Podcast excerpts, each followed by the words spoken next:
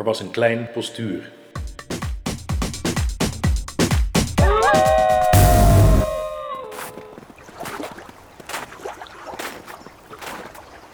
Die donderdagmiddag ben ik degene die haar ziet. Het is donderdag 9 januari 1997 en er slaat damp uit mijn mond. De lucht is grijs en ik probeer heel lang te bedenken hoe ik dit verkeerd gezien kan hebben.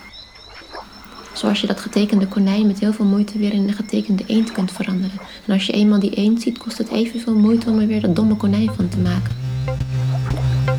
Maar het lukt uiteindelijk altijd. Omdat je weet dat het moet kunnen en blijft kijken. Ik probeer zeker te weten dat het moet kunnen. Dat het heus iets anders kan zijn. Maar het is haar jas die uit het water bloedt.